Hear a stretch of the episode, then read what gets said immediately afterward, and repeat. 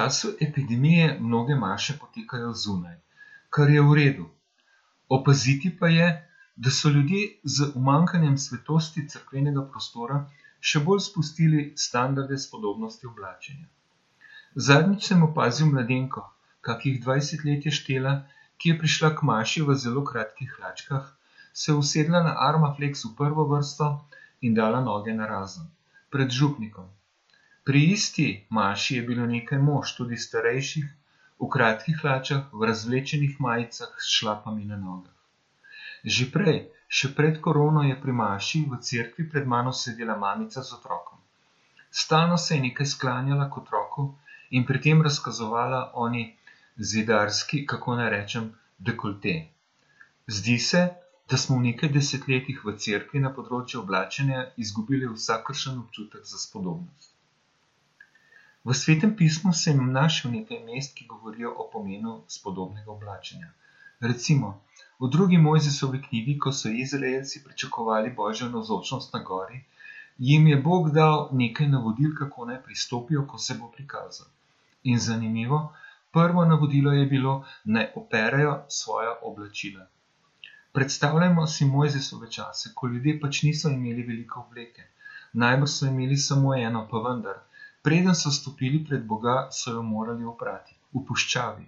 Naredili so torej, kar so mogli, da so bili spodobni pred Bogom, da so pokazali spoštovanje najvišjega. Ko sveti Pavel daje navodila za molitev, opozarja ženske, naj bodo v urejeni in spodobni obleki. Verjamem, da to velja tudi za moške. Kot da smo danes popolnoma izgubili občutek za spodobnost, ko med mašo stopamo pred kralja kraljev.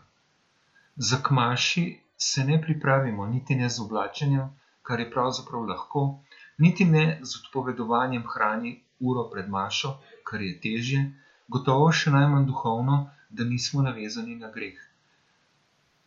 Zdi se, da je to troje povezano. Če ni spodobnosti v oblačenju, ni niti odpovedovanja, niti nečistega srca. Naši starši in stari starši so se za k maši oblekli v zakmašno obleko. Že ime pove, da je bila to obleka za k maši. Zakmašna obleka je v slovenskem jeziku prav pojem. Pomeni najboljšo obleko, pomeni spodobno obleko, obleko, v kateri se torej spodobi iti k maši.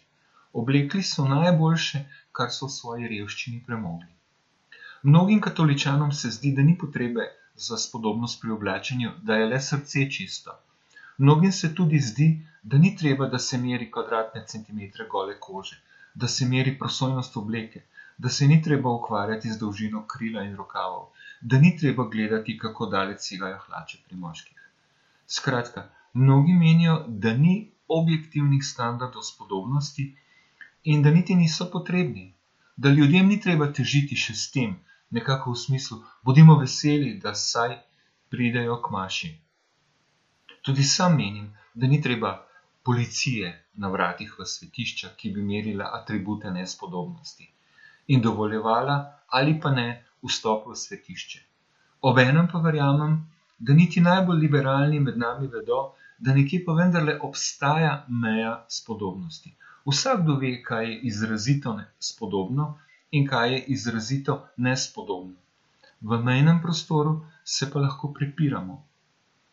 Vemo, da zelo prosojna obleka ne sodi v cerkev, da vroče hlačke potegnjene visoko, da razgalijo in razkrijajo, kar ne bi bilo skrito, pa so še vedno preniske, da bi pokrile popek, ne sodijo v cerkev. Vsi poznamo tudi standard absolutne spodobnosti, kar je obleka Božje matere Marije. Poglejte, kakšen kip v naših cerkvah. Verjamem, da mnogi nismo poučeni, da nam nihče ne pove, kaj je prav in kaj ne, in da smo vsi skupaj spuščali standarde spodobnosti tako počasi, da sploh nismo opazili, da so nekateri primači na pol nagi ali popolnoma nespodobni. Kako sedaj dvigniti standarde spodobnosti? Morda bi začeli pri sebi in si postavili tale vprašanje. Kako bi Bog rad videl, da sem oblečen, ko pristopam k maši? Kaj izražam s svojo obleko? Kažem na svetost Boga ali pritegujem pozornost nas? Sem spodoben tudi za njegove otroke, za moje sožupljane. Bi se lahko kdo čutil seksualno dogovorjenega zaradi moje obleke?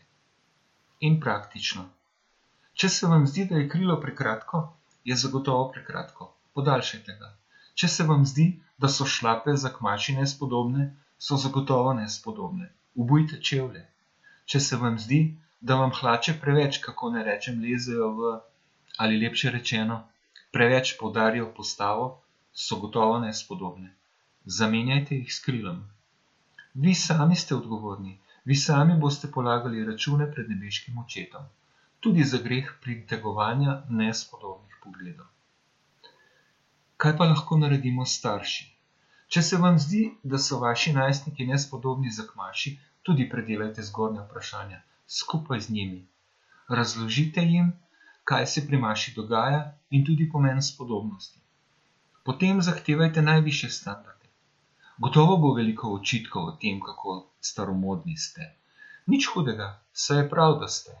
Gotovo se bodo upirali in pogosto ne boste dosegli najvišjih standardov.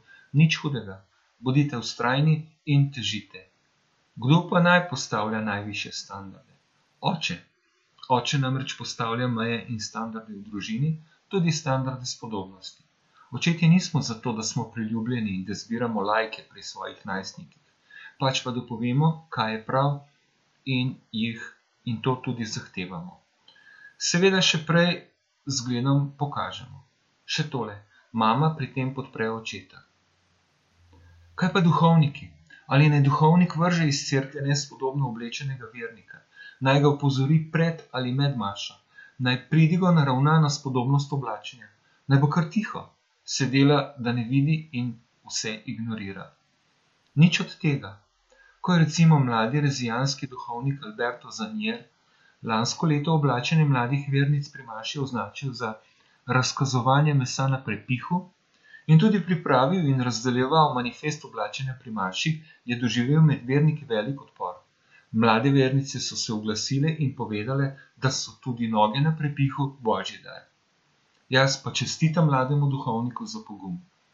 Zdi se mi, da naj duhovnik, zdi se, popravek, zdi se mi prav, da duhovnik ukrepa. Kako? Tako, da pogumno naslovi to temo takrat, ko je treba. Recimo pred poletjem, pred birmo, pred poroko, v pridigah, v nagovorih staršev, v nagovorih najstnikov, na zakonskih skupinah. Nobeni ukrepi pa ne bodo delovali na kratki rok, sploh ne drastični. Če smo desetletja v cerkvi spuščali standarde spodobnosti, jih bomo desetletja tudi dvigovali, če jih sploh bomo. V znamenitih pravoslavnih samostanih v Meteorah v Grčiji so naše ženske doživele, da so pred vstopom v samostan redali delili dolga krila in rute za čez rame. Simbolna govorica tega dejanja je bila zelo močna. Ali je kaj takega možno tudi v naših cerkvah? Ključno vprašanje je, če imajo naši duhovniki dovolj poguma. Pogumno, možje vas podpiramo. thank you